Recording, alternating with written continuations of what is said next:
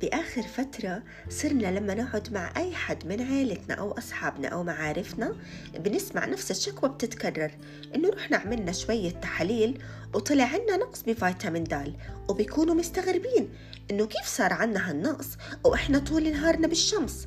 خصوصا إنه المنطق بحكي إنه المنطقة العربية إلها نصيب الأسد من أشعة الشمس والمفروض إنه أهلها وسكانها ما يعانوا من وحدة من أشهر المشكلات الصحية في العالم واللي هي نقص فيتامين د بس فعليا الواقع هو العكس تماما لهاي النظرية. ومع أنه عالمنا العربي بتميز بأنه الشمس موجودة معظم أوقات السنة إلا أنه الدول العربية سجلت أعلى معدل بنقص فيتامين د. واللي تعتبر الشمس أحد مصادره الأساسية. خليكم معي. أنا آلاء في بودكاست 15 دقيقة. لحتى نغوص أكثر سوا ونعرف أكثر عن السبب الحقيقي وراء نقص فيتامين د بعالمنا العربي. أعراضه والوقاية منه. وشو تأثير نمط الحياة اللي بنعيشها على نسبة الإصابة بنقص فيتامين د؟ خليكم معي بعد الفاصل.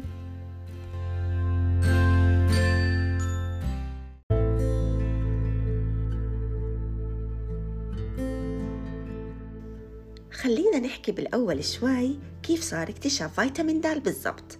في سنة 1913 اكتشف العالم الأمريكي إلمر ماكولوم مادة في زيت كبد السمك اللي سماها بعدين فيتامين ألف وقتها لاحظ الطبيب البريطاني إدوارد ميلانبي إنه الكلاب اللي أخذت زيت السمك ما صار عندها مرض الكساح ووقتها استنتج يا إما السبب بيكون فيتامين ألف أو عامل تاني مرتبط فيه بيساعد في الوقاية من مرض الكساح. بعدها وبثمان سنين رجع عمل العالم الأمريكي ألمر اختبار لزيت السمك بس بعد ما عمل عليه تعديل وأزال منه فيتامين ألف بعدها اكتشف إنه الزيت اللي عدله عالج الكلاب المريضة من مرض الكساح واستنتج وقتها ألمر إنه عامل في زيت السمك بيختلف عن فيتامين ألف وهو المسؤول عن الشفاء من مرض الكساح. وقتها سماها الفيتامين فيتامين دي لأنه كان الفيتامين الرابع اللي أطلق عليه اسم.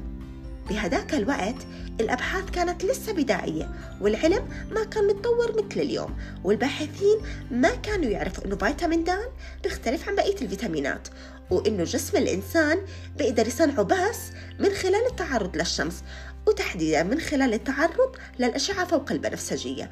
والعلماء ما قدروا يعرفوا هالحقيقة إلا بسنة 1923 لما تعرضت أحد المركبات لفيتامين د لضوء الشمس وقتها تغيرت صيغة لهذا الفيتامين. ومنها أطلق العالم ألفريد فابيان مقولته الشهيرة إنه الضوء بيساوي فيتامين د.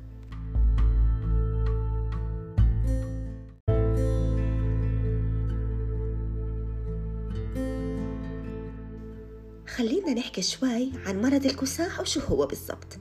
هالمرض بيصير نتيجة إعاقة وتشوه في نمو العظام والسبب بيكون نقص في الكالسيوم أو الفسفور بالإضافة لنقص في فيتامين د. وهالإشي بيخلي العظام مؤلمة وضعيفة ورقيقة وبالتالي بيصير في تشوهات بالهيكل العظمي وممكن يعاني الأطفال من ألم وتورم خلال المشي ويتعبوا بسرعة. وعلى المدى البعيد في احتمال أن نموهم يكون أضعف ويكونوا أقصر من المعدل.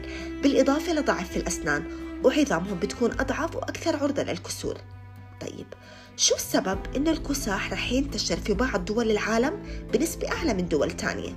في باحثين بيحكوا إنه يمكن يكون السبب بإنه الأطفال ما عم بيلعبوا بالهواء الطلق تحت الشمس مثل أيام زمان وما بياكلوا أكل صحي.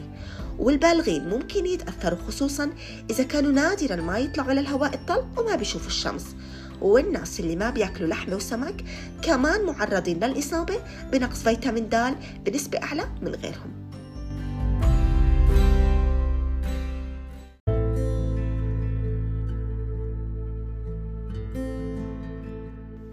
شو هي أعراض نقص فيتامين د اللي بتخلينا نروح نفحص ونتأكد إذا عندنا نقص أو لا؟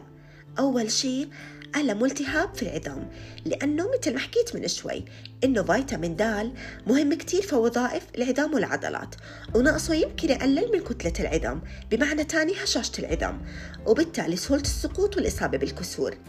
ومن أعراض نقص فيتامين د الخطيرة بصير في مشاكل في القدرات العقلية ونقصه بيعمل تغييرات وبيأثر على التفكير والسلوك والذاكرة بالتالي بيأثر على حياتنا اليومية.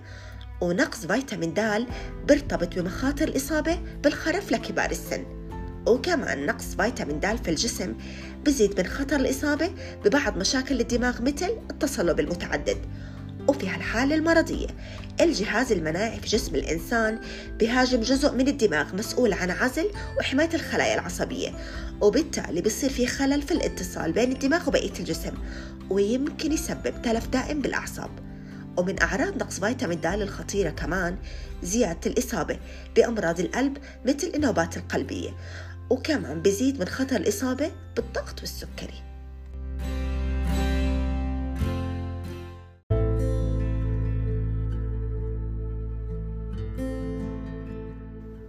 وبما إنه حكينا عن أعراض الإصابة بنقص فيتامين د بدنا نحكي شو بيصير إذا زادت نسبة فيتامين د بالجسم.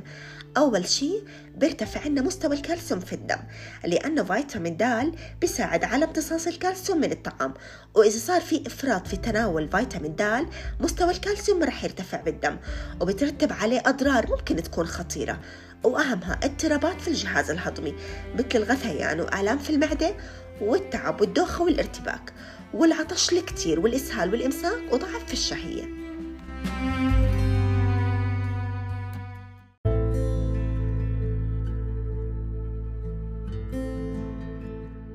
هلا وصلنا للجزء المهم من حلقتنا الوقاية والعلاج من نقص فيتامين د.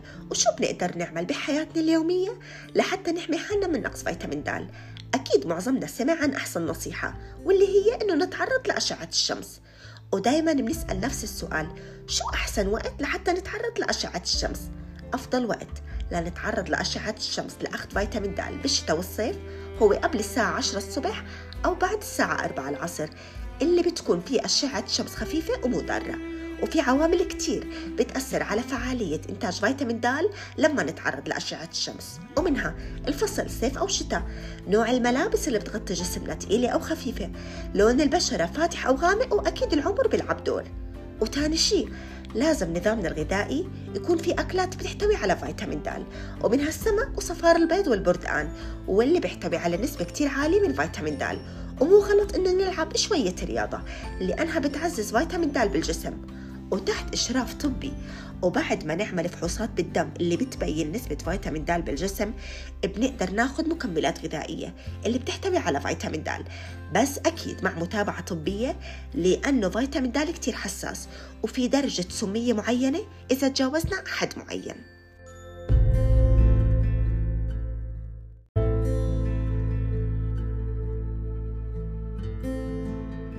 نمط حياتنا ونظامنا الغذائي والعناية بصحتنا الجسدية.